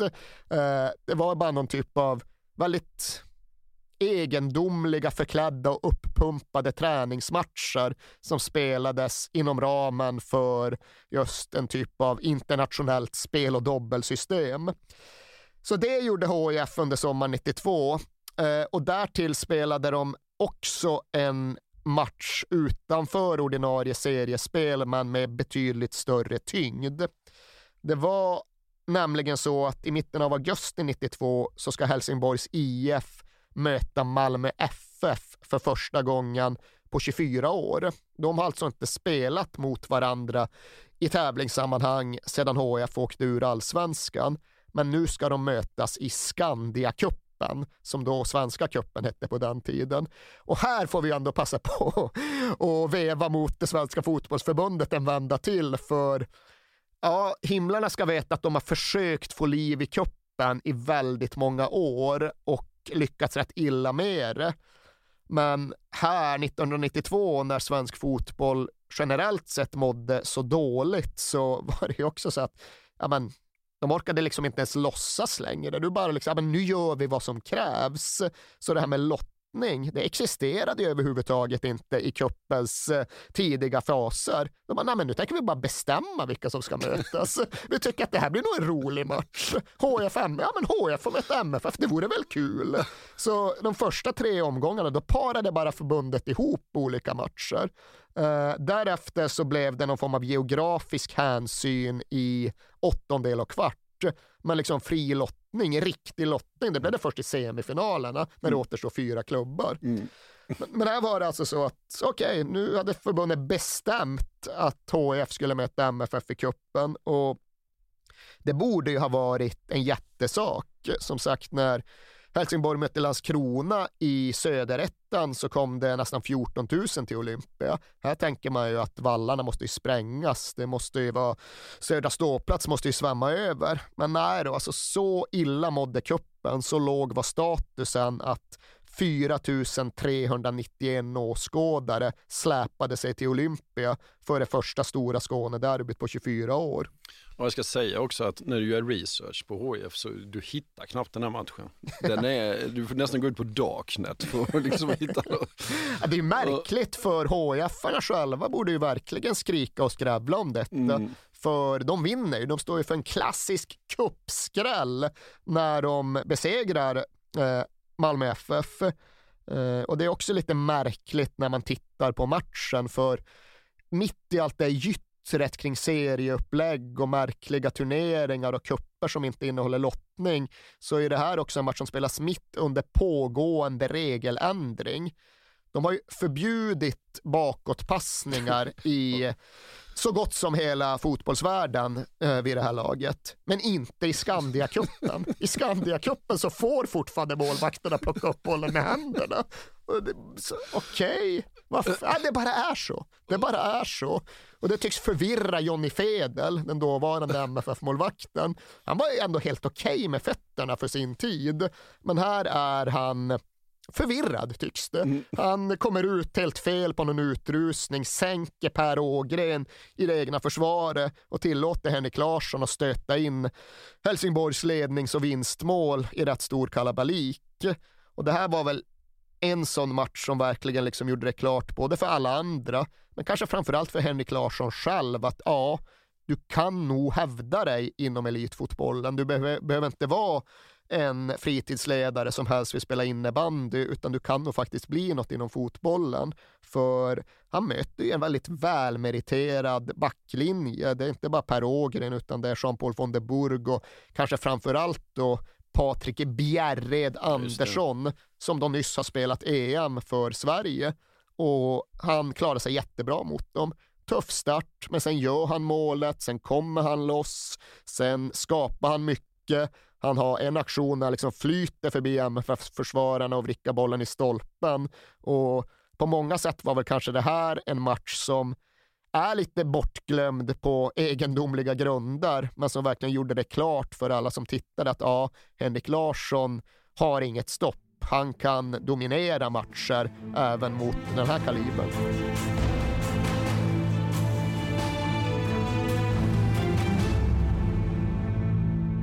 Men om vi då ger oss in i uh, det, det, vi beskrev tidigare som höstettan. För att nu har eh, uh, HIF ett anfallspar som vi väl aldrig mer får se i en lägre nivå va? Eh, jag kan inte tänka mig att vi får se något motstycke för det går verkligen att ha en diskussion kring huruvida det här är inte bara det bästa anfallsparet som har spelat i en lägre svensk division utan är ett av de bästa anfallspar som överhuvudtaget har spelat i svensk fotboll. Mm. Jag hävdar ju det. Jag hävdar ja, det att ja, men det ja, är det. Beredd att hålla med. Ja. Sen är det klart att går man tillbaka genom hela fotbollshistorien så har ju lag formerats på olika sätt. Liksom, tillbaka till 50-talet pratar man inte om anfallspar utan då är det så här innertrios. Liksom. Ja, just det. Ja, just det. Så Gunnar Nordahls gäng. Ja, det, är svårt, släpp, ja. det är svårt att säga. Men i någorlunda modern tid så är väl kanske det jag vill eh, hävda huvudkonkurrenterna, anfallsparet som bestod av Ralf Edström och Roland Sandberg i Åtvidaberg i början av 70-talet. Mm. Det är klart att Torbjörn Nilsson och Dan Corneliusson ska ju också nämnas, men Ralf och Roland, de hade ett snitt på nästan ett och ett halvt mål per match ihop i Åtvid 72. Har du koll på vad Henke och Masse snittade. Ja du, de, eh, alltså de gjorde ju 63 mål tillsammans under säsongen. Han hade väl gjort 29 fram till sommaren. Eh, nej, jag kan inte säga snittet, men det var, var 1,7 kanske. Det blir lite skevt också i och med att just Mats Magnusson inte var med under serieupptakten när Henrik Larsson gjorde ja. ganska många mål. Men om man tittar på matchen de spelar ihop så ligger de någonstans runt 2,2-2,25 ja, mål per match.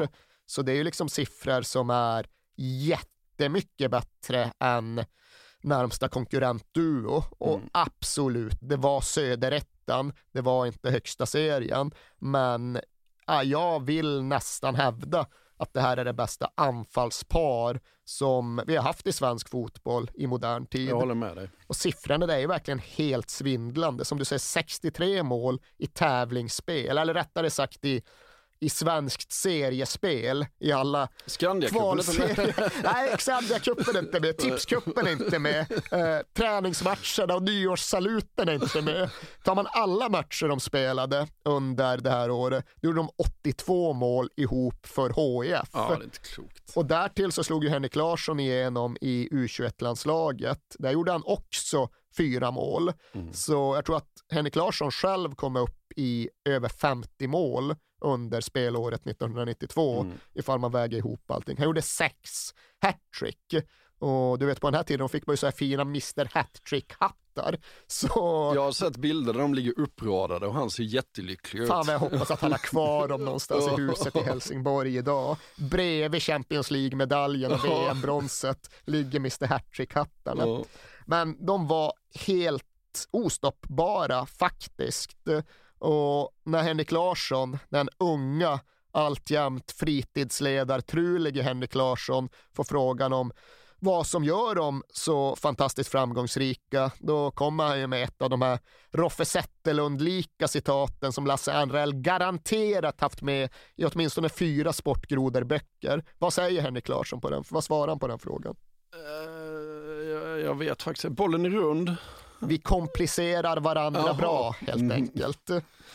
Eh, de komplicerar varandra, de kompletterar varandra bra helt enkelt. Och det gör de ju. Och här ska det väl också sägas att de är ju bekanta. De kanske till och med kan räknas som kompisar sen tidigare. Och det är inte för att de hade spelat tennis ihop nere i Högaborg när Henrik Larsson var typ 16 det var ju så att även om inte Henrik Larsson var världens mest drivna talang så fick han ju lite indirekt genom Mats Magnusson en möjlighet att åka ner och träna med Benfica redan när han var tonåring i Högaborg. För de hade någon liksom sån variant att eh, de riktigt lovande Högaborgsspelarna, de belönades med en resa för att hälsa på Högaborgssonen Mats Magnusson nere i Lissabon.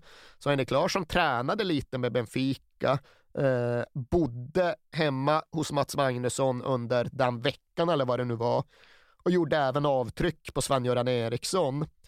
Svennis, han lämnade också Benfica ungefär samtidigt som Jonas Thern och Mats Magnusson. Han flyttade till Italien och han hade tagit Sampdoria den här säsongen.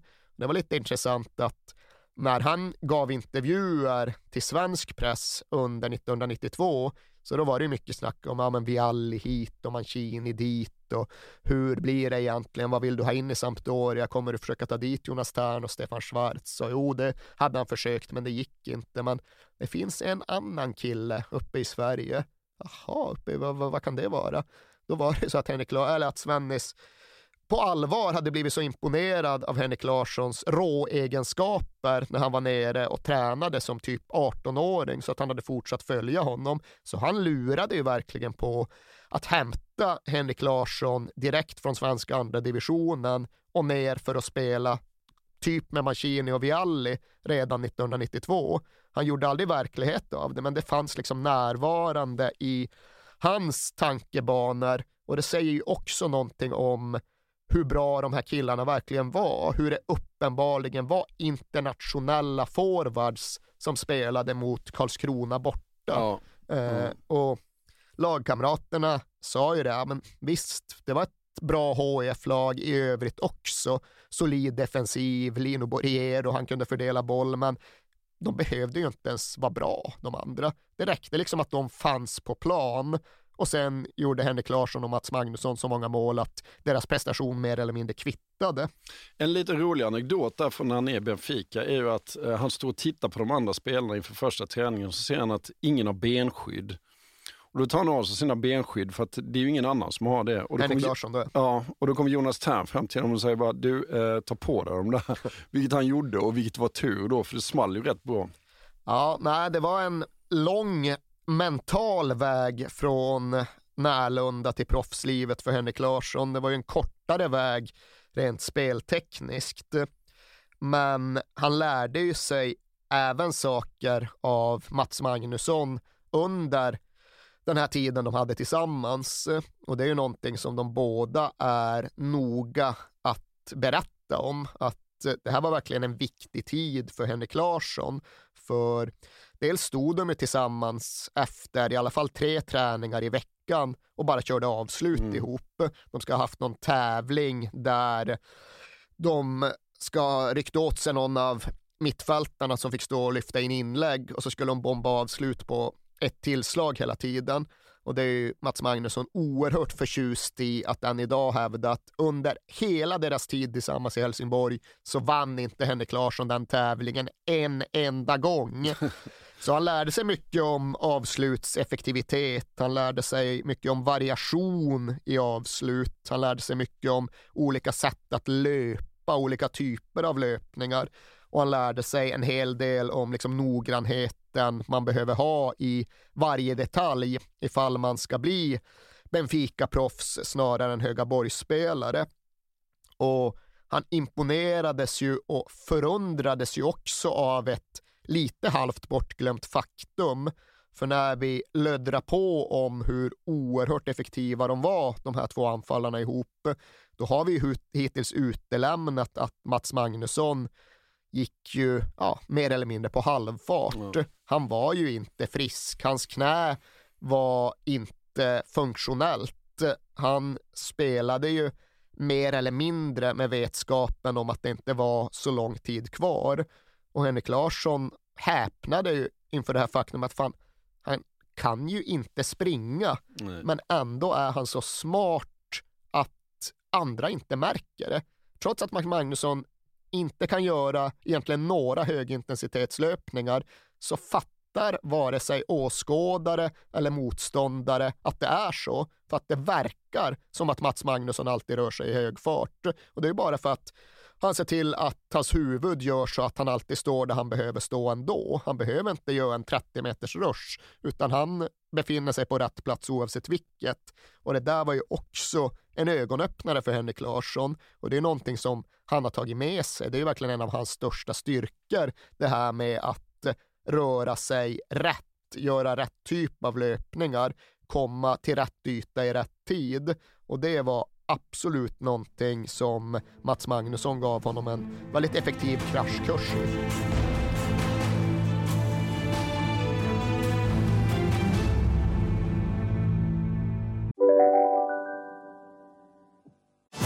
Och välkomna tillbaka till Sibylla där sportbörjaren nu laddar för mål. Otroligt taggad och toppat formen med stekt lök och dubbel cheddarost. Det här blir en riktigt god match! Sportbörjare, ett original i godaste laget. Från Sibylla.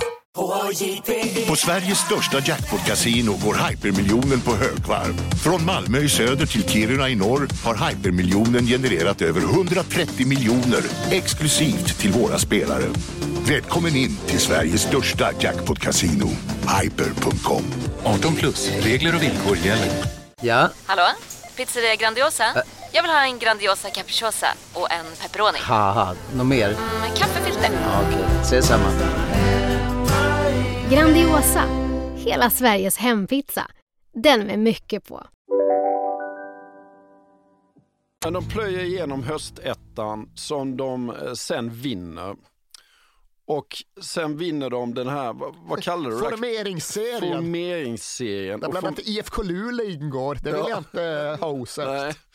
Och eh, det slutar med att de får möta eh, det sista laget i kvalsvenskan som är IFK Sundsvall. Ja, du trodde på allvar att det var GIF Sundsvall ja. alldeles nyss eller? Ja, det trodde jag faktiskt. det, är fan, det är fan upprörande. IFK Sundsvall är ju en liten egendomlig elitklubb för de har ju alltid varit jättemycket lillebror där uppe, men de hade två fina årtionden här, säg mellan mitten av 70-talet till mitten av 90-talet, där de var i högsta och näst högsta serien. Det är lite Kalmar AIK och Kalmar FF. Ja, men faktiskt, ja. det är ingen dum parallell. Men eh, de eh, producerade en hel del riktigt fina spelare. Janne Eriksson, Mm. apropå EM 92, Mm. IFK Sundsvall-spelare. Micke Brundin, apropå svensk proffs i Portugal, IFK Sundsvall-spelare. Men i det IFK Sundsvall-lag som ska möta HIF i slutkvalet 1992, där vet jag fan om du tar så många spelare. Jag kan säga att målvakten heter Jan Ekholm. Vad har vi för claim to fame på Jan Nej, Ekholm? det, det har jag ingen. I precis den här tidskontexten kan jag hjälpa dig med. Ja, nej, det, det vet jag faktiskt inte. Jan Ekholm är i backspegeln märkligt nog Sveriges första målvakt i OS 1992 i Barcelona. Jaha. Så när vi skickade ut Thomas Brolin och grabbarna för att spela mästerskapsfotboll på Camp Nou, ja, då är det Jan Ekholm från, tror jag, Söderhamn i det svenska målet. Men vi kan ju konstatera att Jan Ekholm eh, får det ganska svettigt i de här matcherna, eller? Ah, nej, det, det är faktiskt rättvist att säga. De börjar ju nere på Olympia. 11 000 lite knappt kommer till den matchen och det blir ju en fin resa för Helsingborgs IF. Mats Magnusson gör två mål och i den allra sista minuten drar Jonas Dahlgren in 3-0 målet. Och det är ju samma premisser för det här dubbelmötet som det är för Europacupspel, det är hemma borta, det är mål på bortaplan, allt det där.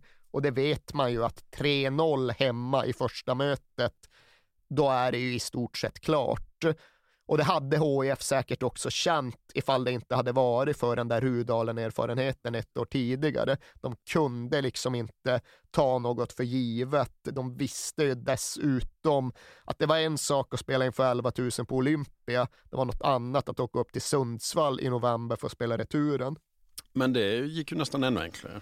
Ja, det gjorde det ju, även om inramningen var annorlunda och på sitt sätt minnesvärd så blev ju matchen en expeditionsaffär. Men som sagt, 11 000 åskådare på Olympia. Hur många kommer få se IFK Sundsvall försöka tror du? 1100. 607 Jaha. stycken. 80 procent av de skåningar. Så IFK Sundsvall kan ju inte göra anspråk på att vara folkets lag uppe i Medelpad. Becksvart runt idrottsplatsen. De hade så oljefat som de tände eld på för att liksom åskådarna skulle kunna värma sig och i någon mån också för att plan skulle bli lite bättre upp, upplyst. Eh, minus åtta grader när matchen avslutas i alla fall så 10 av 11 bortaspelare spelar ju med både vantar och mössor och polotröjor. Och vem är den elfte? Masse. Jajamensan, han spelar med shorts, tröttnar aldrig på att eh, påminna om detta. Det är därför jag vet. jag vet inte om det är liksom att han ska bygga sig som alfahan eller vad det är, men det var tydligen viktigt för honom. Det var någonting med något gammalt skrock också, att när han gjorde 33 mål för Benfica, då hade han alltid Vulkans Ja, värmebyxor kommer jag- under ja. shortsen. Sen la han bort dem och det gick mycket sämre och då ska Sven-Göran Eriksson ha sagt åt honom att ah, men, du måste alltid spela i shorts och Vulkans värmebyxor. Så jag tror det var det han gjorde då i Ja. Sundsvall, för det var så det behövde vara.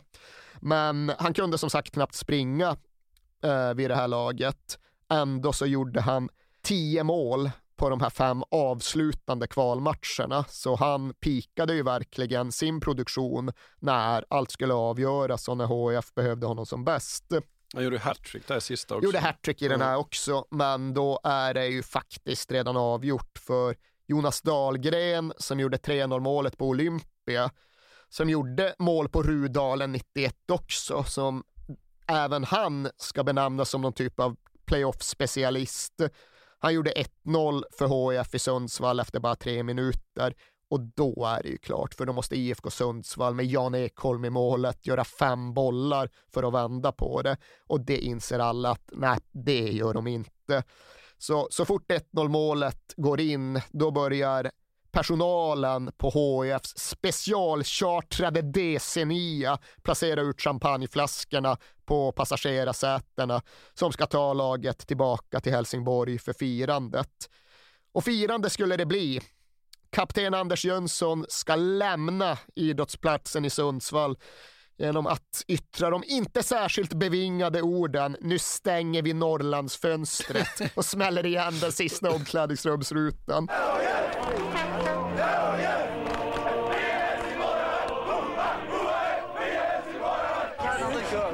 En stads självkänsla har så många byggstenar. Knutpunkten, en 90-tals båt och tågstation och galleria började byggas när finanskris inte fanns i svenska språket. Nu är många som har undrat vad mångmiljonbygget skulle brukas till. Den här kvällen fick vi svaret. Det är runt 3000 personer inne i hallen. De väntar på ett lag tyngt av traditioner i en ganska stor stad med Sveriges högsta publiksiffror. Och så de ständigt missade chansen att komma tillbaka till allsvenskan som låg som en propp i Helsingborgs självkänsla. Nu ska det må firas. P.O. Jung fyller 25 år just den här dagen, men det finns ju faktiskt grejer som är ännu mer värda att skåla för. Plötsligt upptäcker vi, de kommer inte i buss. De kommer i taxikolonn med hela räddningskåren som eskort. Ikväll löstes proppen upp. En hel stad gick upp i allsvenskan. Och vi förnam att vi med våra bilder är med och skriver en rad i dess historia. 24 år sedan sist. 24 år och 11 dagar. Ja, alltså det här firandet kommer jag fortfarande ihåg när jag såg på Sportspegeln 1992. Jag, jag minns så väl när, när Henke och Masse kommer till knutpunkten och hur mycket folk det är och de tittar ner och de bara det är obeskrivligt, det är ofatt. Jag kommer aldrig glömma det. Knutpunkten blev kokpunkten Ja. som det hette i lokalpressen. Men det var ju något som var om inte unikt så i alla fall sällsynt. Det här var ju återigen helt andra fotbollstider i Sverige. Det var ingenting som brukade hända. Det var knappt något som vi hade sett. För nu är det ju sånt som händer mest hela tiden när en klubb vinner SM-guld. Ja, då återvänder Stockholmsklubben till huvudstaden och tas emot av tusentals jublande. Men sånt hade inte hänt i svensk fotboll 1992.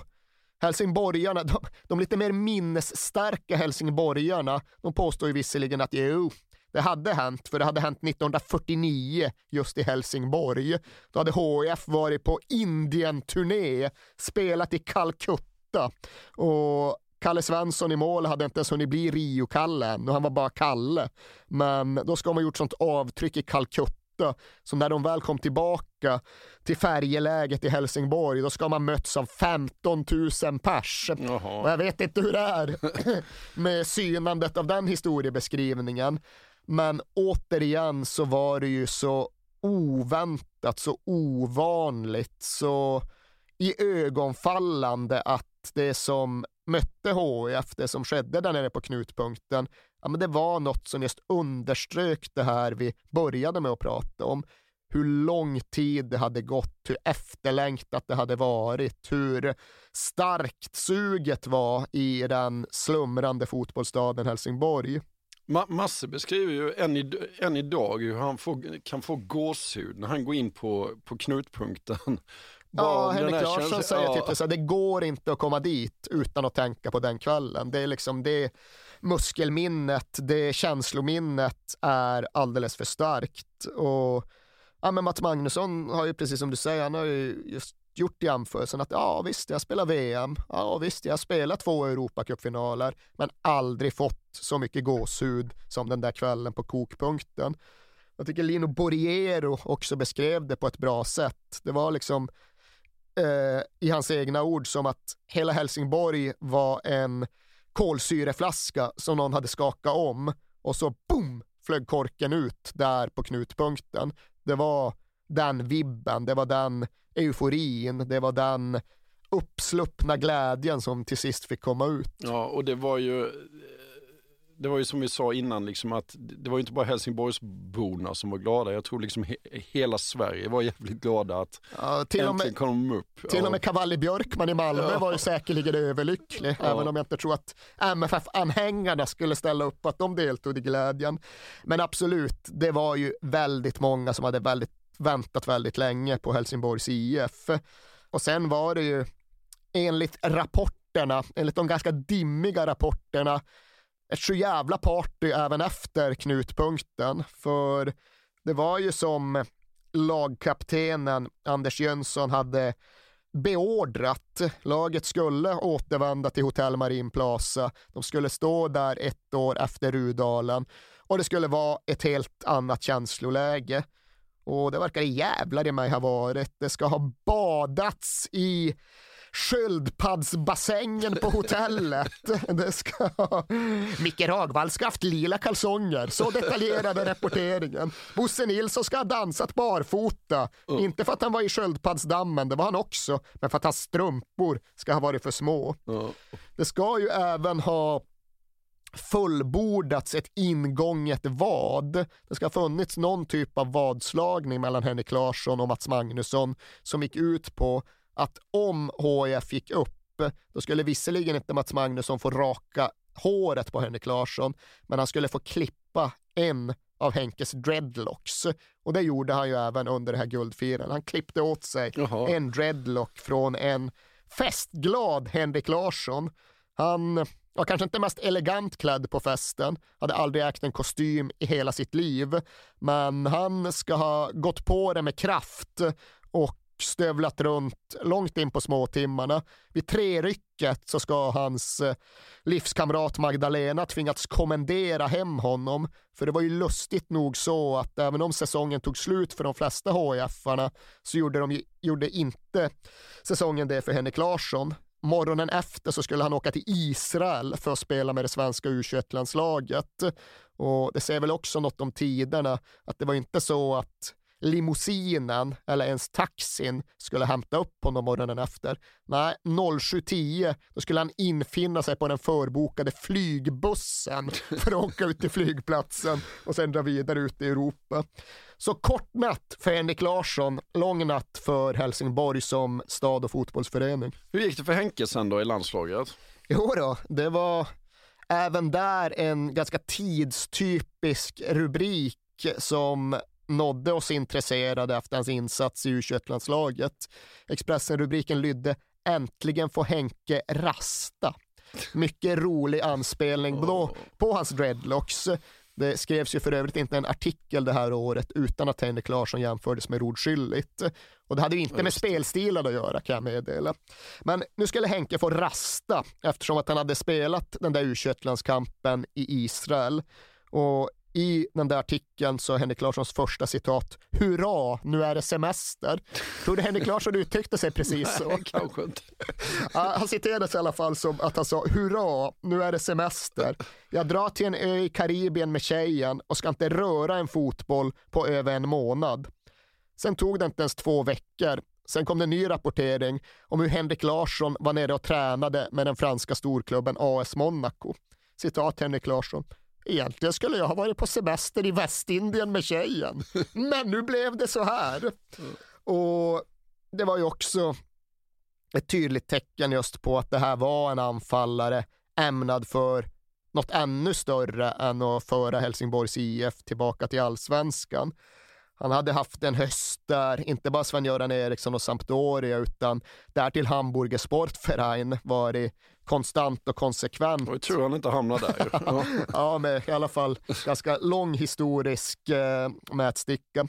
Men han var ju på väg ut och han var ju på väg bort och han hade precis som Mats Magnusson och egentligen alla andra eh, Portugalsvenskar den mytologiserade Börje Lantz som agent vid den här tiden. Och när Henrik Larsson utropade hurra, nu är det semester, så utropade Börje Lantz nej, nu ska vi skicka ut dig på någon form av provspel. Och när det rapporteras om Henrik Larssons tid i Monaco så ramas det in av att Börje Lantz dyker upp så halvvägs in i artikeln då han just har kommit från en supé med Arsène Wenger. För det var ju Wenger som var Monaco-tränare på den här tiden. Och Henrik Larsson kom in i det sammanhanget, liksom delade skåp med Jürgen Klinsmann och tränade med Wenger och var på väg någonstans med sin fotboll. Kan man se ut mer som en agent än vad Börje Lantz gjorde? Nej, inte på den svenska Nej. tiden i alla fall. Såg ut som den gamla skolans fackpamp liksom Ja. med cigarrerna och Ja, mustaschen. cigarr. Ja, herregud. Ja, i alla fall, det blev ju faktiskt inte Monaco utan det blev ju med tiden Feyenoord som blev Henrik Larssons första proffsstopp. Eh, men bara för att han drog vidare ut i den stora vida fotbollsvärlden och till ännu större framgångar så glömde han ju sannoliken inte den här uppflyttningen med HIF och den där kvällen på knutpunkten, precis som vi sa. det är kul för ifall man liksom kollar igenom saker han har sagt genom hela sin karriär så återknyter han ofta till det här spelåret. 1997, alltså fem år efter uppflyttningen, då var han fortfarande kvar i Feyenoord och de hade spelat en toppmatch mot PSV som hade slutat 0-0. Henrik Larssons matchanalys efteråt, det var, fick inte de rätta bollarna. Feyenoord saknar en Lino Borriero. Ja. liksom, det är den typen ja. av passningsspel som han behövde för att komma till sin rätt.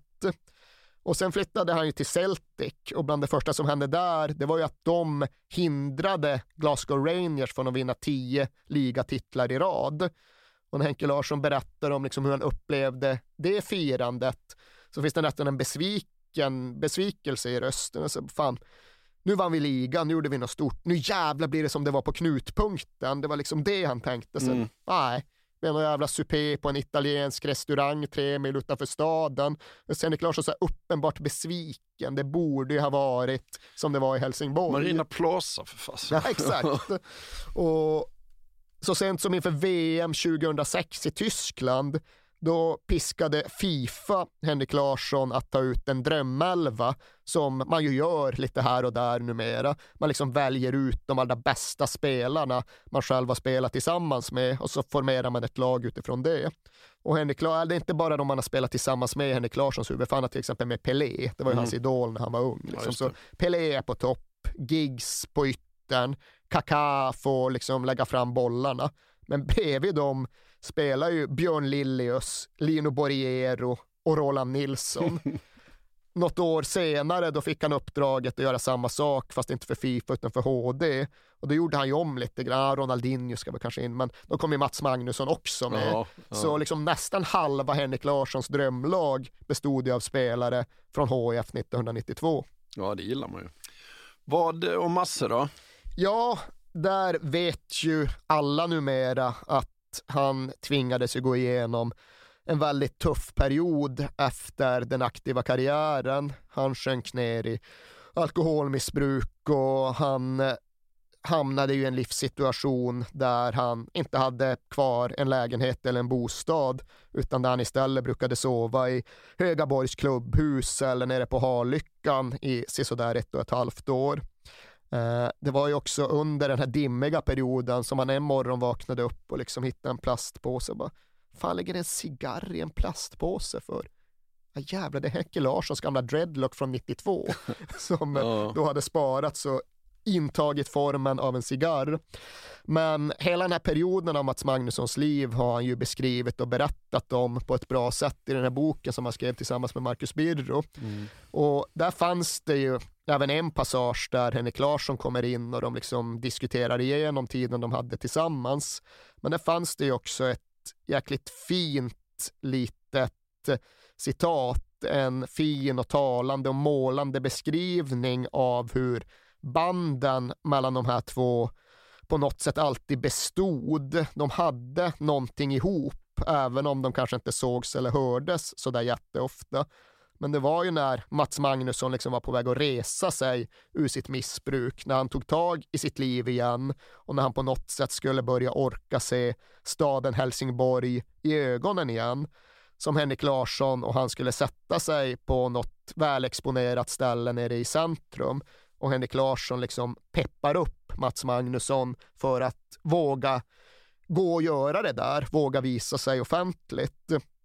Och citatet enligt boken är ju då att Henke säger till Mats Magnusson Kom nu så går vi till ett ställe där alla ser hur jävla bra du mår, hur fräsch du blivit och att du är med mig. Kom så ska jag berätta för den här staden, utan att säga ett enda ord, att Masse är tillbaka på banan. Och det var fint och det knyter väl någonstans ihop historien om en stad och en klubb i en speciell tid, men kanske framför allt om det bästa anfallspar som i alla fall jag någonsin sett i den svenska fotbollen.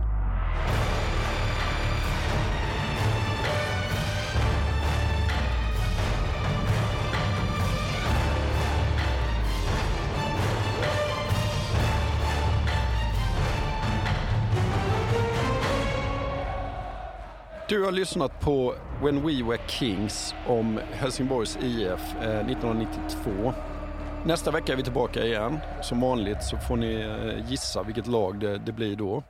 Fortsätt mejla oss. Det är så jäkla kul att se att det finns så många som är som oss där ute. På kingsatperfectdaymedia.se så hörs vi nästa vecka. Hej då! Den här podcasten är producerad av Perfect Day Media. Det autentiska ljudet i den här podden tackar vi SVT för. Tack SVT! Resultaten då från Söderettan. Halmstad, Leikin 2-0. Helsingborg, Landskrona 1-2 alltså. Kalmar, Karlskrona 4-1 och Mjällby, Hässleholm 4-2.